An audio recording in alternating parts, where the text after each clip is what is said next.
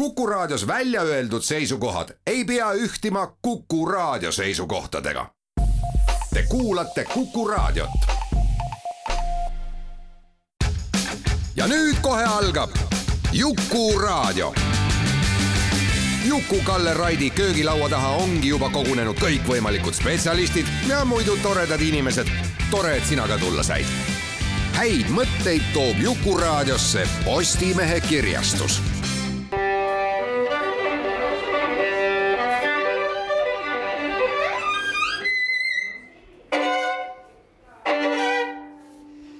Laku panni. tere, hea Jukuraadio kuulaja. neljasaja kolmekümne neljas köögilaud on äh, käsil. ja kui me olime äh, eelmisel nädalal olime me kunstjoones ja rääkisime aguraiujaga vingetest äh, teemadest, mis siis tähendab Eesti kunsti eksponeerimise ajalugu. siis täna me kolime tegelikult mõnes mõttes vast Eestist ära meil on iga aasta oktoobri alguses kombeks olnud, et hoiame Fenno-Ugria asutusel silma peal ja tegelikult hõimukuul, mis tähendab siis seda, et me pajatame oma väikestest soome-ugri hõimurahvastest, kellest siis murettekitavam osa loomulikult elab Venemaal. ma arvan, et see on ka traditsioon, et, et meil on köögilaos samad külalised. Jaak Prooses, kes on Fenno-Ugria nõunik, tšau Jaak. tšau ja Kadi Raudalainen, kes kogu seda puhvetit juhatab põhimõtteliselt. tere, Kadi. tere. ma nüüd ei teagi, me räägime kindlasti hõimukuu programmist ja asjadest mm,, mida on täiesti võimalik külastama ja vaatama minna. aga võib-olla tegelikult alustaks hoopis sellest, et kui me nüüd eelmine aasta oktoober seda asja ajasime, siis oli olukord ju drastiliselt igal pool erinev. ja nimelt äh, me ikkagi peame sõda, silmas sõda, mida Venemaa peab Ukraina vastu, aga mis ometigi mõjutab absoluutselt ka äh, ka siis meie soome-ugrilasi ja mõned nädalad tagasi oli siin näiteks Dima Poljakov, Ingeri soomlaste ka seltsi juht, kes siis pidas küllaltki muret, muret tekitava tunnikese meiega. Äh, Jaak, oskad sa siia midagi nüüd kohe hakata rääkima, et, et mis, mismoodi need asjandused siis on seal meil soomugrilaste juures? noh, ega üheselt ei oska. no sind ei lasta Venemaale esiteks alustada sellest. jah, et noh, muidugi Venemaale ka ei lasta, aga noh, et et mida siis rääkida nendest soome-ugri rahvastest praegu muuseas Venemaa Föderatsioonis, et et eks nad ole praegu kõik nagu niisugune sumisev mesilaspere, mis on põhjendatud sellega, et Venemaa on alustanud osalist mobilisatsiooni ja mobilisatsiooni äh, kirjakesed ja kutsed jõuavad äh, igasse väikesse külasse. et kui ennem olid äh, soomeugrilased sellisel seisukohal, et noh, see sõda on nagu võõras asi, et noh, ma ikka oma aias siin vaikselt tegutsen ja ja, ja see nagu väga korda ei läinudki siis äh, nüüd on reaalselt ikkagi need äh, kutsed kohal ja mehed äh, väikestest küladest lähevad. Ja, ja mitte siis ainult siis ütleme nende suurte Soome rahvaste esindajad, aga, aga lähevad ka lausa põlisrahvaste, mis nagu alguses öeldi, et, et siiski ja neid, neid väikeseid, et neid ei puudutata, aga neid puudutatakse ka ja ma just vaatasin paar päeva tagasi, et jah, et et esimesed paarkümmend neenetsit juba läksid siis Ukrainasse. mõtlesin ka, et huvitav, mis, mis huvid võiksid Nenetsi rahval Ukraina territooriumil küll olla. aga, aga sinna nad läksid siin, kui Putin seda sõda alustas, siis üks asi, mida ta üsna viivitamatult tegi, äh, oli siis ütleme, Vene Föderatsiooni, ma ei tea, ühtsuse näitamiseks, eks ole ju, äh, pidid enam-vähem kõik ürituse Mm, nimel laulma ja tantsima, noh, et, et, et ja tervitusi saatma ja oi, me oleme kurat ikkagi Putini Venemaaga, eks. jah, et no kõik need soome-ugri rahvaste rahvuslikud organisatsioonid eh, kiitsid heaks eh, Putini väga raske ja väga vastutusrikas otsuse, mida Putin tegi väga läbimõeldult, aga absoluutselt eh, Vene ja kõikide teiste rahvaste huvides. et noh, niisuguse toet-, toet-, toetava avalduse pidid nad kõik tegema, nii et, et et on väga vähe niisuguseid äh, organisatsioone, kes seda teinud või on siis üritatud niimoodi vingerdada tegelikult, et noh, et organisatsioon ei teinud, aga organisatsiooni esimees siis äh, ütles. Midagi, paar sooja sõna. jah, et aga et jumala pärast mitte diskrediteerida, no näiteks Mari Ušem, üks vägagi rahvuslik organisatsioon, et, äh, et tõesti tema esimees ütles, et jah, ma toetan seda, aga noh, seisukoht on selline, et kui organisatsioon seda ei, ei toeta samuti, samuti on käitunud siin äh, teist, teisigi niisuguseid organisatsioone, aga muidugi need organisatsioonid, kes on eelkõige, äh, saavad toetust riigieelarvest ja on võimumeelsed, siis on selge, et äh, vastavad toetavad avaldused on vastu võetud mitte ainult seltside juhtkondade poolt, aga siis ka noh, need juhid ise, nii et, et kahjuks, kahjuks seda on ka küllaltki palju see on üsna morn lugu ja ütleme nii, et, et tegelikult äh, väikerahvad on või, võib-olla mõnes mõttes äh, hullemini lõa otsas kui lihtsalt äh, tavaline Vene kodanik, kui mingi väikerahvas tahab mingit oma, olgu siis see haridus või kultuuriline tegevus üldse jätkata, eks ole. jah, no kõik, kõikide Venemaa väikerahvaste kultuur ja haridus nõuab riigipoolset dotatsiooni et ta ei ole kuidagimoodi turumajanduslikult või muu, muul kombel nad ei suuda majandada, nii et, et et siis ei olegi nagu noh ongi väga vähe sul käike, et äh, rahvuslikud niisugused tähtpäevad ja, ja muud vajavad tähistamist, hariduselu eda, edasiedendamist ja, ja siis ei jäägi midagi muud üle, kui võimude pilli järgi tantsida või siis tegelikult üldse täiesti vait olla ja, ja võib-olla mitte midagi teha. no näiteks väga kujukas näide, näiteks ansambel Tooramaa Äh, Vladimir Romaškini toorama, tooramaid on kaks, eks ole, teatavasti, aga siis see põhiline toorama, mis meil Eestis on tuntud, nemad lihtsalt ei esine.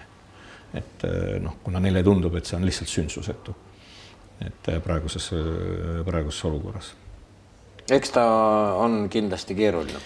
ja noh, need ja, ja muidugi Vene riik on para, paraku kuidagi tõesti terve suve me võisime jälgida seda, kuidas nad nagu äh, Äh, toetavad igasuguseid pidustusi, noh, see on nagu uskumatu, minu meelest pole, soome-ugri rahvad pole kunagi niimoodi pidutsenud, kui nüüd, noh, see on nii küüniline tegelikult ja niivõrd hull on seda olnud jälgida, et noh, ütlen, et vene-ugri pole normaalselt saanud isegi uudiseid teha, kuna pole seda materjali, millest uudist normaalselt äh, teha, nii et, et rahvuslik, niisuguseid pidustusi on olnud palju ja sinna on siis riik äh, päris palju paigutanud raha ja. selle me ütleme siis nii, et see on tegelikult tähelepanu kõrvalejuhtimine, et, et me okei okay,, fine, me anname teile natuke rohkem mm -hmm. poppi ja teie peate oma moka maas, kui te ka teisiti mõtlete. jah, no seda ka ja, ja noh, teisest küljest noh, mis on muidugi selle, sel foonil, mis on muidugi eriti kurb, on see, et, et on hakatud kasutama ära soome rahvaste niisuguseid rahvuslikke sümboleid ja nii edasi mingite väeosade kokku monteerimisel ja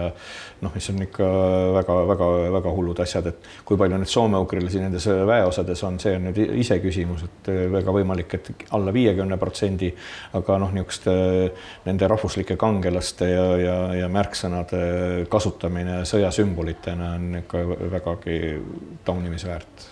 Ja absoluutselt, et need ongi need asjad, mis lõppkokkuvõttes vanu pärimusi ja kõike puudutavad, siis need ühtäkki, ühtäkki jah, et, et needsamad Äh, asjad on muutunud justkui äh, mingiks märgiks, mis justkui noh, toetab lihtsalt Putini äh,, ma ei tea, kuradi jura, mida ta seal ehitab. noh, nii, nii ta, nii ta paraku on, nii et, et et ma ei tea, see sõjategevus ja kunagi ta lõpeb, eks ole, et mis mismoodi see siis kõik need sümbolid ja mis elu need kõik hakkavad elama, aga, aga praegu ta niimoodi on jah okei okay., tuleme korraks tänasesse ja võib-olla natukene ma, ma tahtsin öelda lõbusamasse olukorda, võib-olla mitte lõbusamasse, aga siiski mitte nii morbiidsesse olukorda. hõimukuu on meil teatavasti jah, iga oktoober.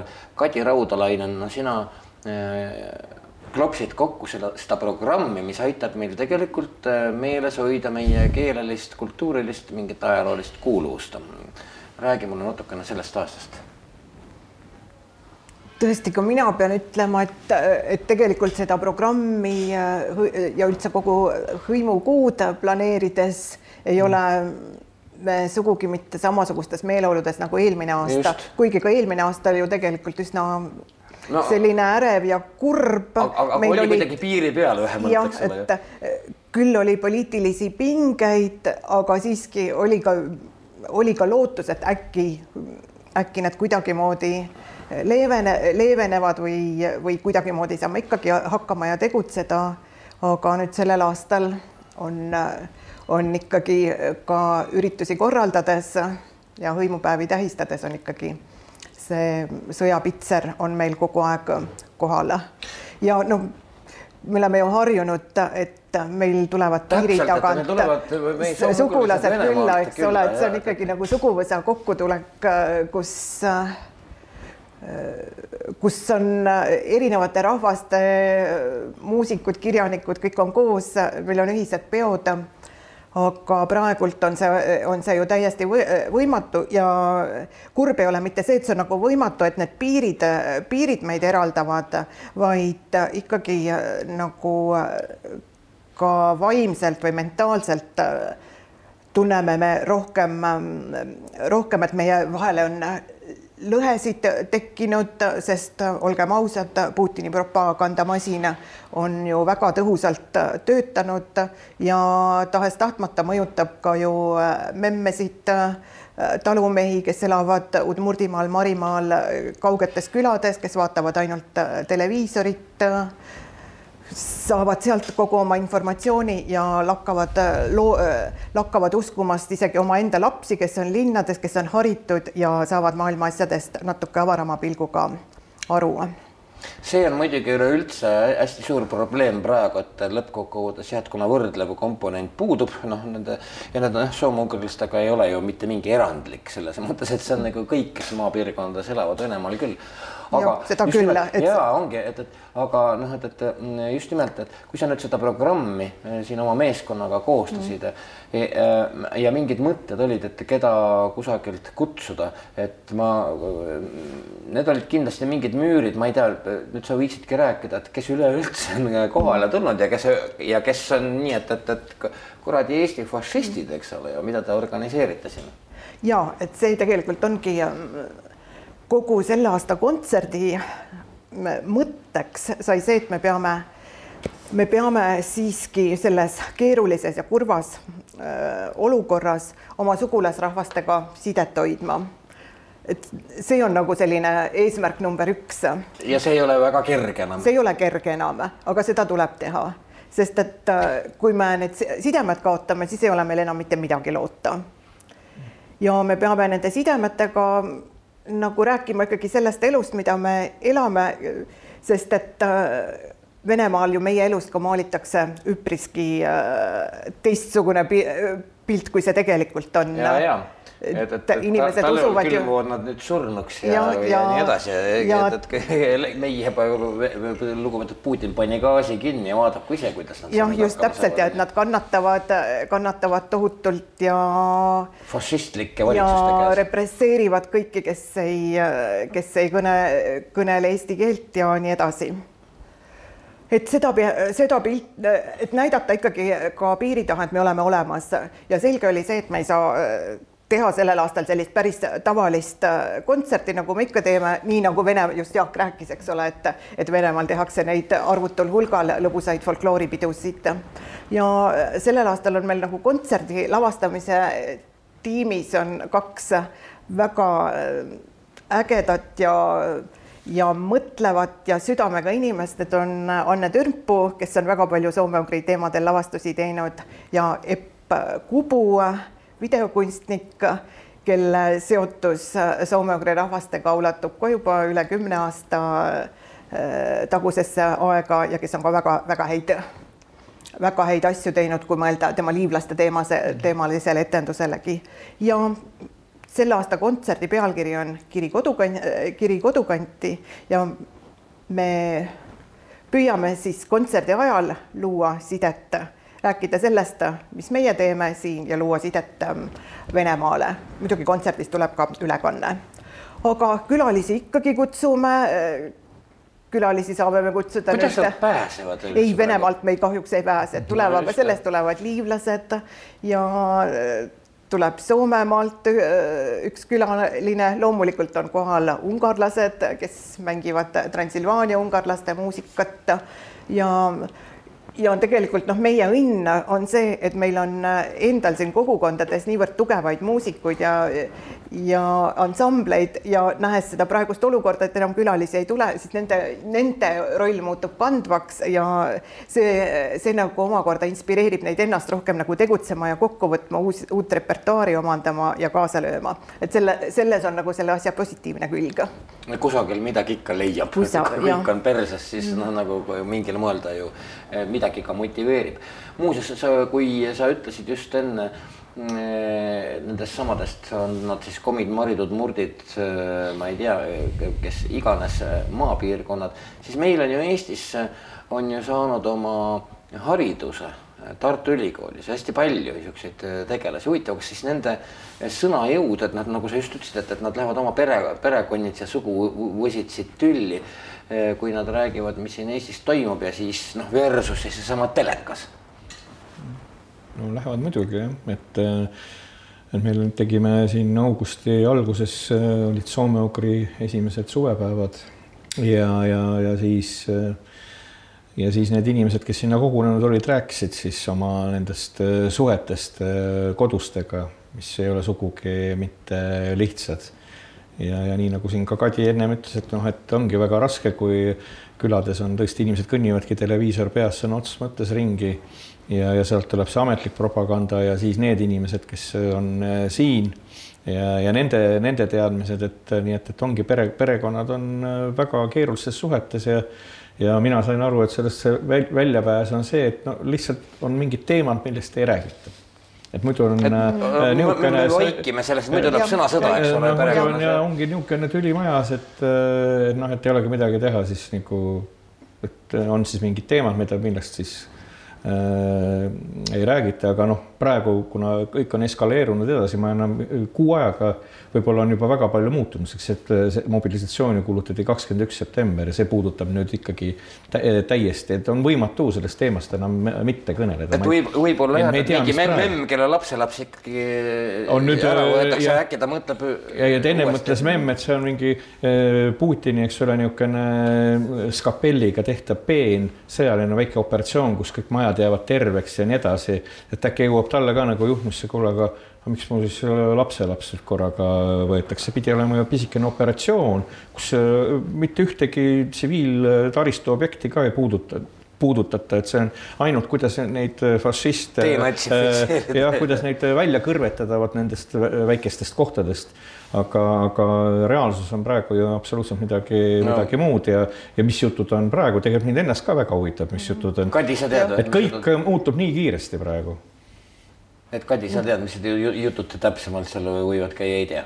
ei, seda me no,, aga jah. nagu Soome nagu, nagu öeldakse, et vaikimine, vaikimine on muutunud praegult nagu äh, kultuuriks ja kõnekaks jah, et vaikimine on Vaikimise nagu mitu, mitu tähendust võib vaikimisel äh, olla.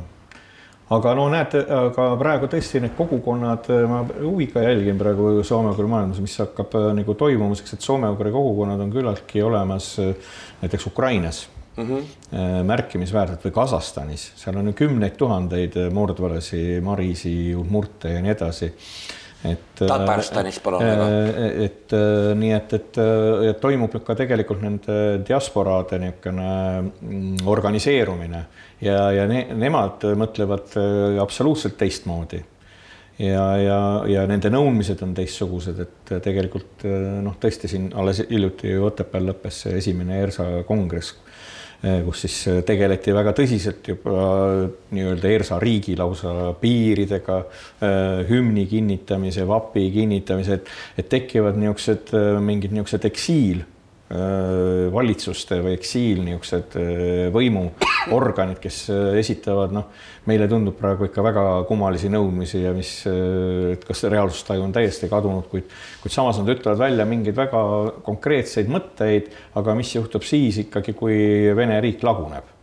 et ka siis on midagi olemas, mingid ideed on rahvas ka sekka lähevad, siis kas Ukraina või Kasahstani või siin Eesti, Eesti kaudu, nii et, et, et me näeme praegu väga huvitavaid niisuguseid mõtteid ja liikumisi Äh, see on küll jah põnev, et, et lõppkokkuvõttes äh, mingil moel see väga sitt aeg äh, toob esile mingeid muid asju ja ilmselt ka kultuuriliselt, noh, ma vaatan, Kadil on nüüd paber ees, et, et sa räägid üritus, ütleme hõimukuu üritustest praegu.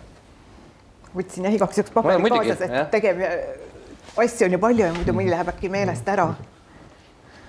Me kõige, kõigepealt ma kohe täpsustan, et, et, et www.fenno-ugria.ee, sealt saab jah, sealt saab kavad ka, nii et me ei hakka päris kavasid ümber jutustama, aga mõnda ja. siiski, Kadi. ma tahaksin ühte asja küll välja tuua, et äh, peakontserdist oli või sellest folkloorikontserdist oli juttu, ma loodan kogu südamest, et äh, sellest tuleb äh, eriline õhtu, sest see saab olema südamega tehtud. aga me, sellel... me, me toimetame, ütleme, kui me, kui me mõtleme, et, et kuhu minna, siis me räägime ka mm -hmm. logistiliselt, et kus need asjad. Need on vabal laval, oleme me juba päris mitu mm -hmm. aastat äh, tegutsenud ja sellel aastal on meil äh, suur rõõm võtta taas vastu äh, noor saami lauljanna Katariina Parruk Katariinaga me kohtusime esimest korda juba kevadel festivalil Tallinn Music Week, kus ta jäi artistide valikust kõrva kui sellise huvitava häälega noor saam, aga kui me teda äh, lava peal nägime, saime me aru, et tegemist on tõeliselt äh, ägeda lauljaga, äh, kelles on jõudu, väge tema esinemises oli rokirütme ja samas seal oli nagu sellist haprust ja õrnust ja äh, haavatavust ja see kõik nagu äh, moodustas kokku väga jõulise kombinatsiooni. seekord ta ei tule küll siia koos äh, oma suure ansambliga, vaid kitarristi Arnold Nordvikiga, kuid heli, ette saadetud helimaterjal lubab eeldada, et kontsert tuleb sama, sama võimas ja sama hingepuudutav nagu, nagu see Tallinn Music Weeki ajal oli. ja räägi, räägi. ja Katariina esineb ka äh, Tartu kontserdil, meil ei ole ju mitte ainult Tallinnas Ta, Vabalaval, Vabalaval kontsert, vaid järgmisel päeval on enam-vähem sama kontsert, küll natuke varieeruvate esinejatega ka Tartus Eesti Rahva Muuseumis ja seal äh, tuleb äh, Katariina lavale omaenda väikse sooloprogrammiga. Foin, me ütlesime, et me kaua ümber ei hakka jutustama, aga, kui, kui sa juba temast räägid, siis mainime need kuupäevad ära ikkagi. Äh, viisteist oktoober Tallinn Vaba Lava, kuusteist oktoober Tartu Eesti Rahva Muuseum aga mõningaid asju võiks muidugi veelgi rõhutada, mis on nagu huvitav mõnes mõttes, et ei oskagi ütelda, kas see on kurb või mitte kurb, et aga näiteks äh, igale poole paigaldatakse niisuguseid mälestustahvleid et see on nagu tõesti täiesti selline uskumatu niisugune nähtus. ja mis mälestustahvleid? Äh, noh, igasugustele rahvuslikele tegelastele, kirjanikele, kangelastele, isegi maja, majade peal, mingites surnuaedades. Äh, et niisugune mingite märkide niisugune loomine, et see nagu on niisugune väga huvitav, ma ei oska sellele väga täpselt seletust äh, anda, aga see, see torkab väga silma.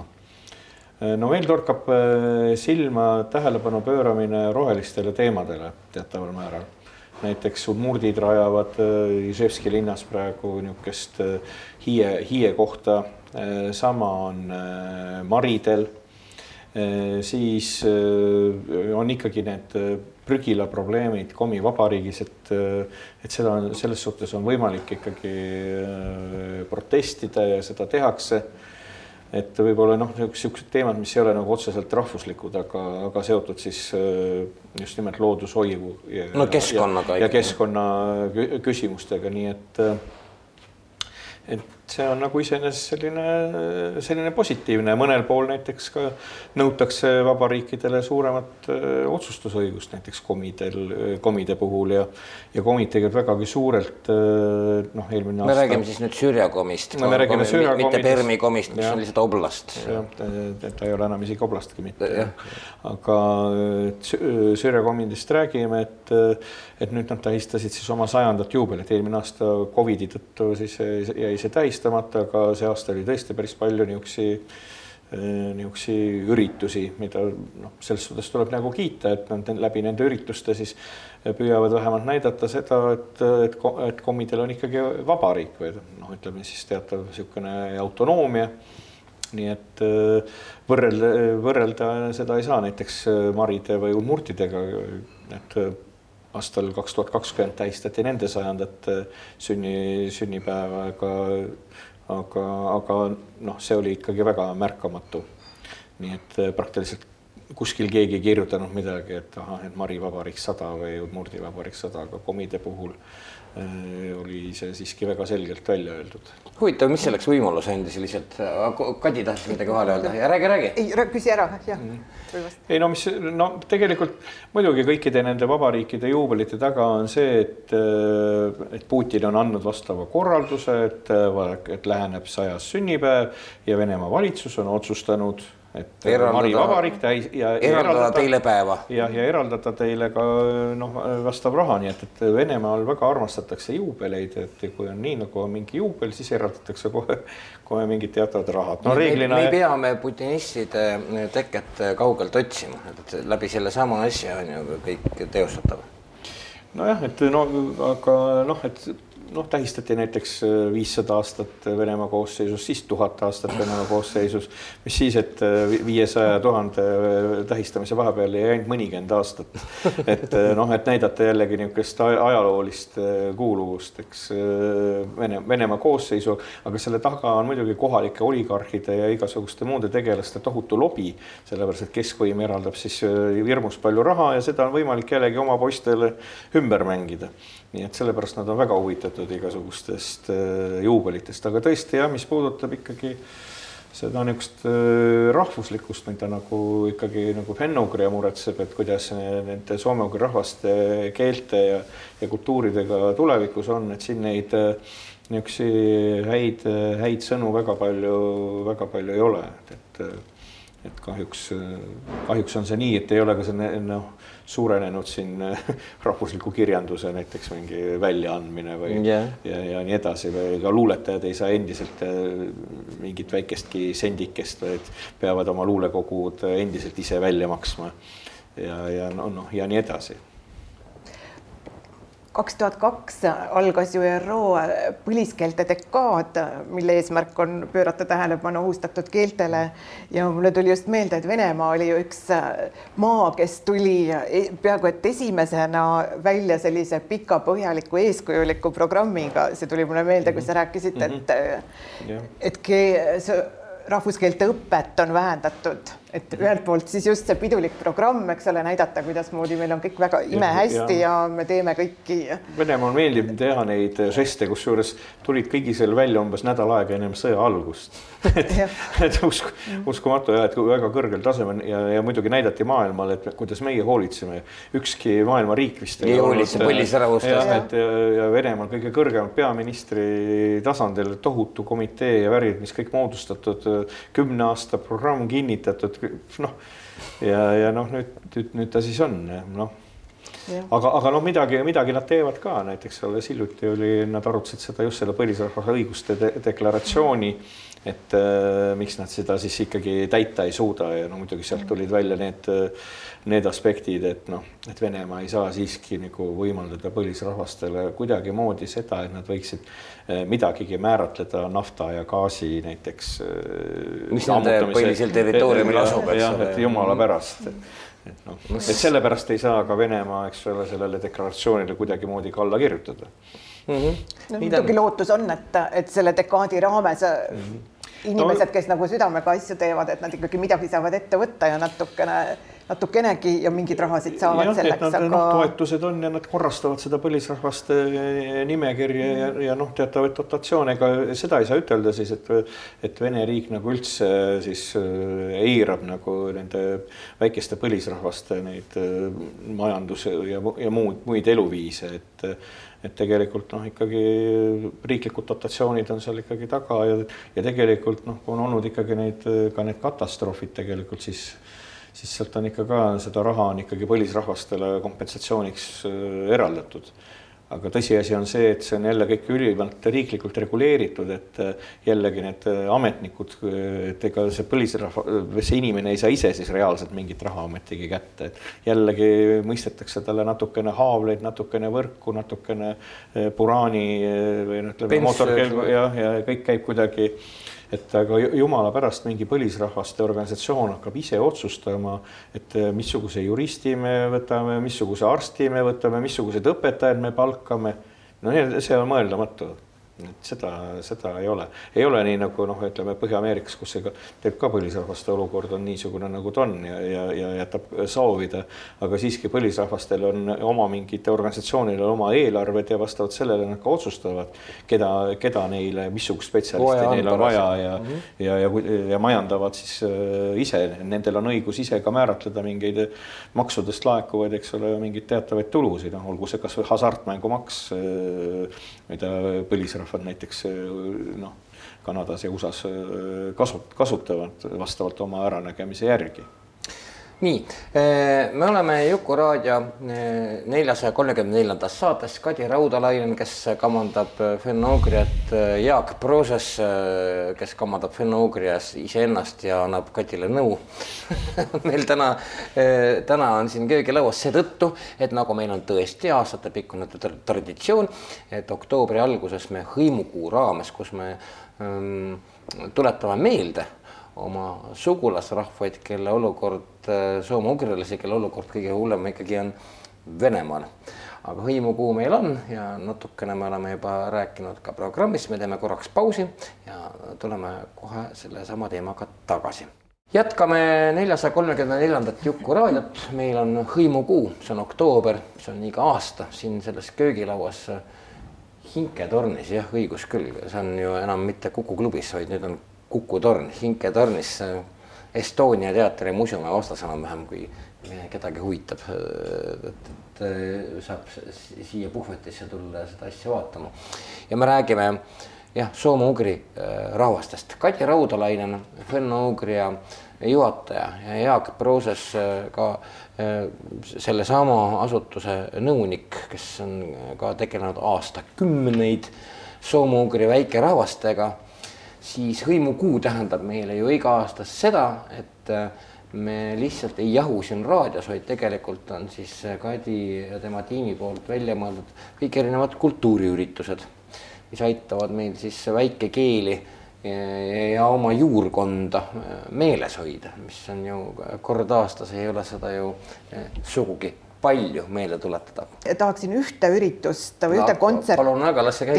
mainida ja lisaks nendele peakontserditele, millest juba siin esimeses ähm, pooles oli juttu, et äh, tulemas on ka selliseid väiksemaid äh, kontserte ja üks neist on äh, Udmurdi päritolu pärimusmuusiku, Eesti Muusikaakadeemia lõpet-, improvisatsiooni ja pärimusmuusika alal doktoritöö kaitsnud Maria Korepanova tiimi korraldatud kontsert ähm, udmurdi rahvalauliku Olga Solovjova ehk udmurdi keeli Jack Apai ehk äh, eesti keeli Basknääri tädi äh, äh, mälest-, mälestusele, kelle, kelle sünnist siis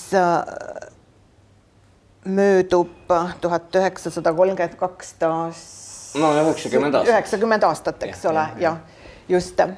ja Maria teine udmurdist folklorist Nikolai Anissimov, Maria õppejõud, improvisatsiooni kunstnik Anneliis Poll, kandlemängija Kristi Müüling, samuti vägev improviseerija ja veel mitmed teised inimesed on kokku pannud plaadi ja just selle, nad teevad hõimupäevade ajal selle plaadi esitlustuuri mis on siis äh, Eesti Muusikaakadeemias, Tartus Kirjandusmuusikas ja äh, Kirjandusmuuseumis ja nad jõuavad lõpuks veel Obinitsaga välja.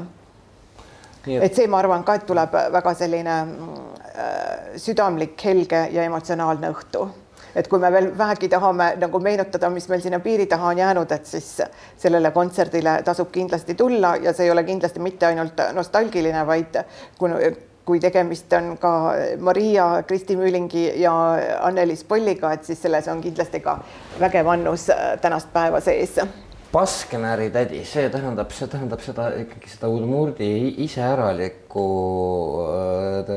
tämbrit, mida valdavad siis mingid hästi loetud inimesed tegelikult ju. jah, no Maria ise on inimene, kes on, kes on just udmurdi vanadelt laulikutelt selle tämbri ära, ära õppinud ja oskab seda noh, ta ongi nagu sellega nii kokku kasvanud, et mitte tema kohta vist ei saa küll öelda, et, et ta nagu noh, esitab seda, vaid ta on juba nagu sellega nii kokku kasvanud, et, et see ongi tema, tema loomuomane laulmismaneer. ja, ja täiesti kindlasti see, et ma lihtsalt kuulajatele lohutuseks ütlen, et nad maikuus saaks siis selle saate me lõpetame ühe, ühe Maria looga, ehkki tavaliselt me Juku raadios muusikat ei kasuta, aga palun väga seekord kasutame. see on täiesti hullumeelne mida, mida see inimene suust suudab. Või noh, mida ta oma selle kõriga või ma ei oskagi öelda, et see on nagu niivõrd tei, tei, teistsugune laulumaneer, kui me oleme harjunud midagi muusikaks pidama, siis see on mingi teine asi, see on see nagu soolikatest tuleks hääl, et enam-vähem ta äh, kõlab äh, kõik niiviisi. ja Mariat ja tema sõpru kuuleb muidugi pea, peakontserdil, äh, peakontserditel ka muuseas, Jaak, üks asi ongi see, et, et see, mida mm, Korepano või sina ütlesid Korepo. Korepanova on õige vist öelda. õige on öelda vist jah, et, et, et muidu ma ütlen nagu vene moodi jah. Korepanova jah.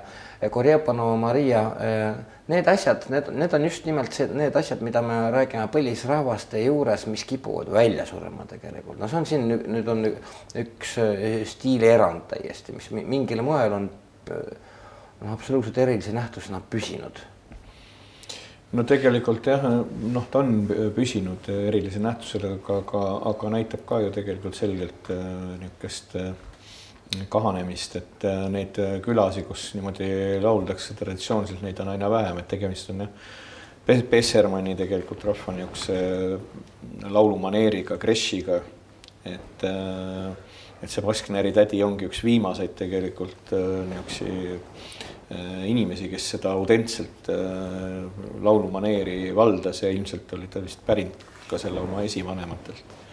nii et äh, tema Maša teene ongi see, et ta on nagu lindistanud seda ja, ja, ja talletanud, et võib-olla ilma, ilma Maša tegevuseta me sellest omapärasest laulumaneerist õieti midagi ei teaks aga Pesermannid võib-olla on raadiokuulajale natukene tundmatum rahvas, et et ega, ega ju väga täpselt ei teatagi seda Bessermanni nagu päritolu, no kõige, kõige rohkem on levinud, et ta on ilmselt Turgi või Tšuvaši päritolu rahvakild, mis on siis välja rännanud Murdimaa põhja, põhjaossa, seal, kus asub Klaskar või tänapäevane Glaazovi linn, nii et aga siis jah, et kahe tuhande teisest aastast siis on nagu äh, rahvaloendusel võimalik ennast äh, kirja panna Pessermannina, nii et Pessermann on paar, paar tuhat inimest.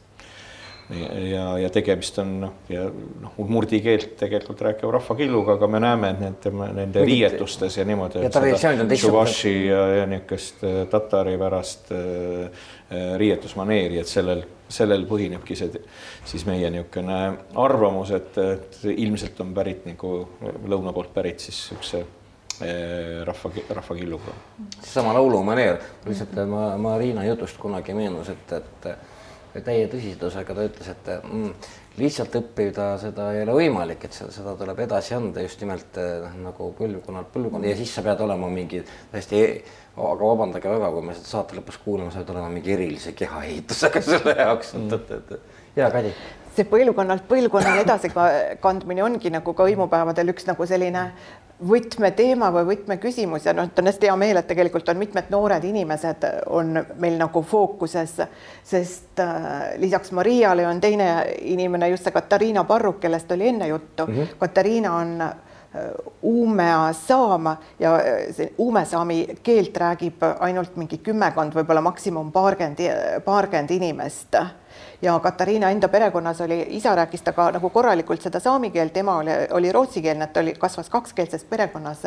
Ja äh, kui Katariina käis meil põliskeelte dekaadi avamisel, siis ta nagu rääkis ka oma keele taustast. Ja ja ta rääkis, et mingi aeg hakkas vist tädi või keegi sugulane hakkas rääkima, et noh, et sina pead nüüd tulema ja hakkama, hakkama seda selles keeles rääkima ja seda Kuidagi selles edasi- keeles ja edasi edasi andma. edasi, jah. ja Katariina noh, just tunnistas, et oli alguses nagu väga kohkunud, et oli ju väga noor, ta oli teismeline praktiliselt või mm -hmm. kuskil sinnakanti, et mis nüüd tema oskab või kuidasmoodi ta läheb nüüd suurematele või vanematele inimestele midagi õpetama. aga siis ta ikkagi tegi seda ja ta just tuletas meelde, et kui ta käis kuskil saami laagris, et siis alguses ei teadnud nagu uumesaamidest keegi mitte midagi.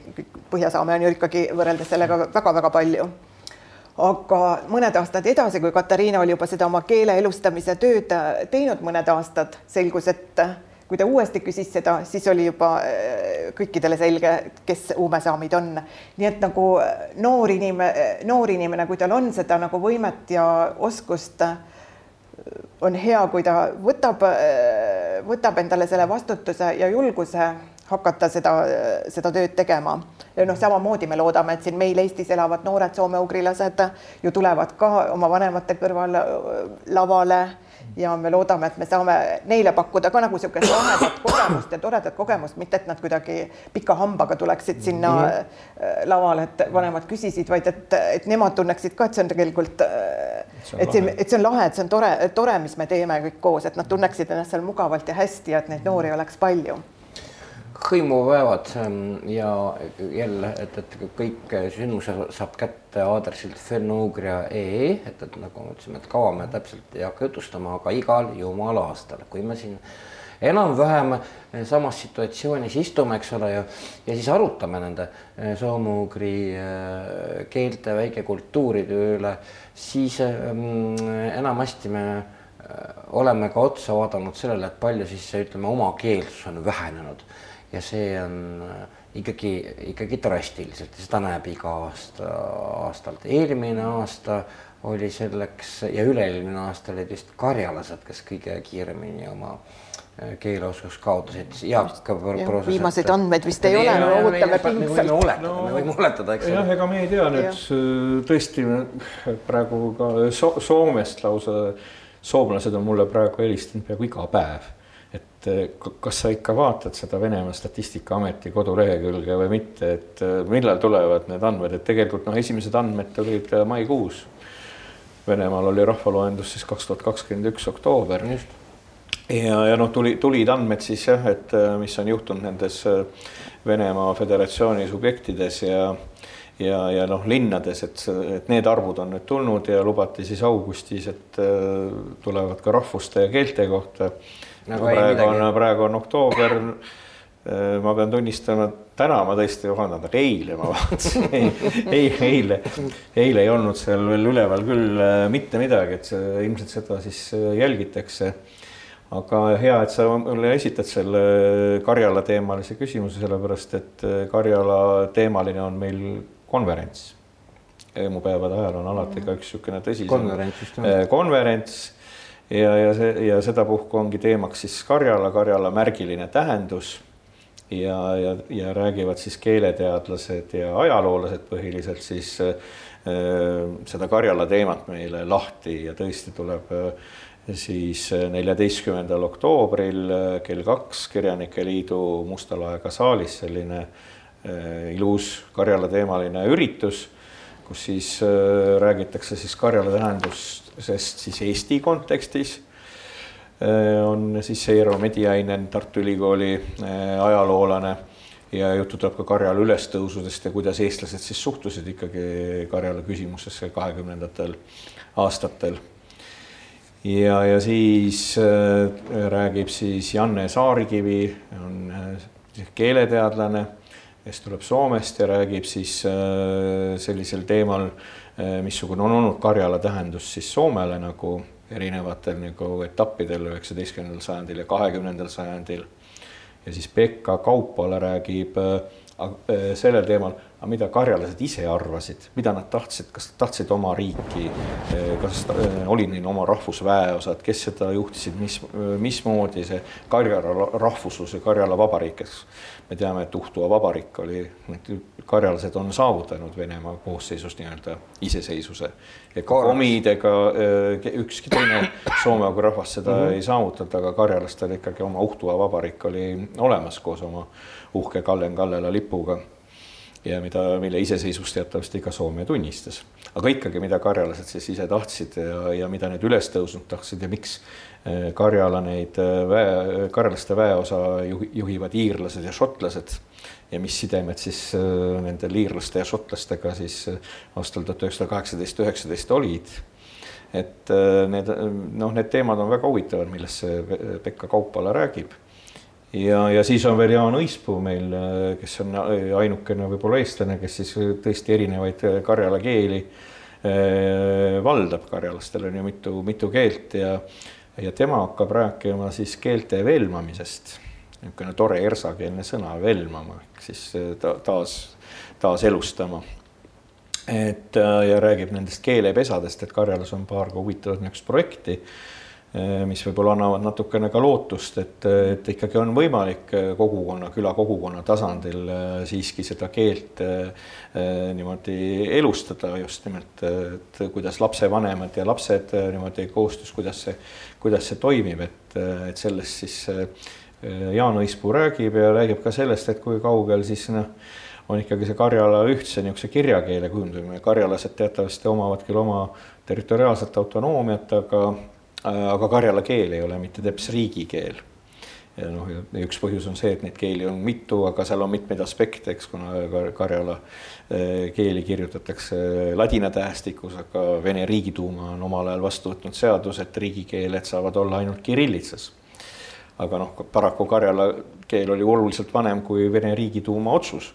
nii et äh, aga noh, et kurb on muidugi, kui üks riik, eks äh, oma kõrgema seadusandliku organi tasandil võtab vastu otsuse, mis määrab ära teise rahva tähestikke. aga see kõik, kuna meil on lihtsalt see köögilaud, lihtsalt kell näitab, et see köögilaud on läbi. et, et me, me, nad, nad hakkavad laskma mingit äh, järgimissaadet ja uudiseid ja kurat teab mida. ja me peame ennast enne kokku korjama siit mm..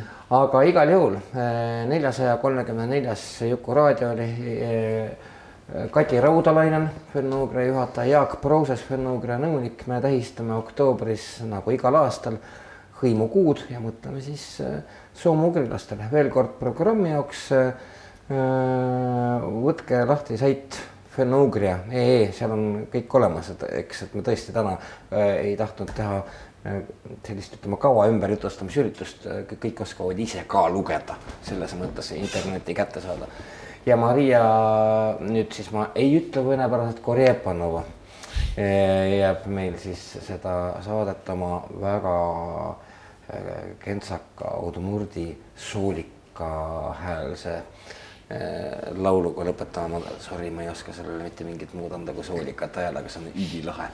Nii et, et me, meie näeme nädala pärast, tähendab, näeme ka, aga kuuleme ka kindlasti. aitäh, Jaak ja aitäh, Kadi, teile veel kord ja tähistame hõimu, tähistame hõimukuud. aitäh.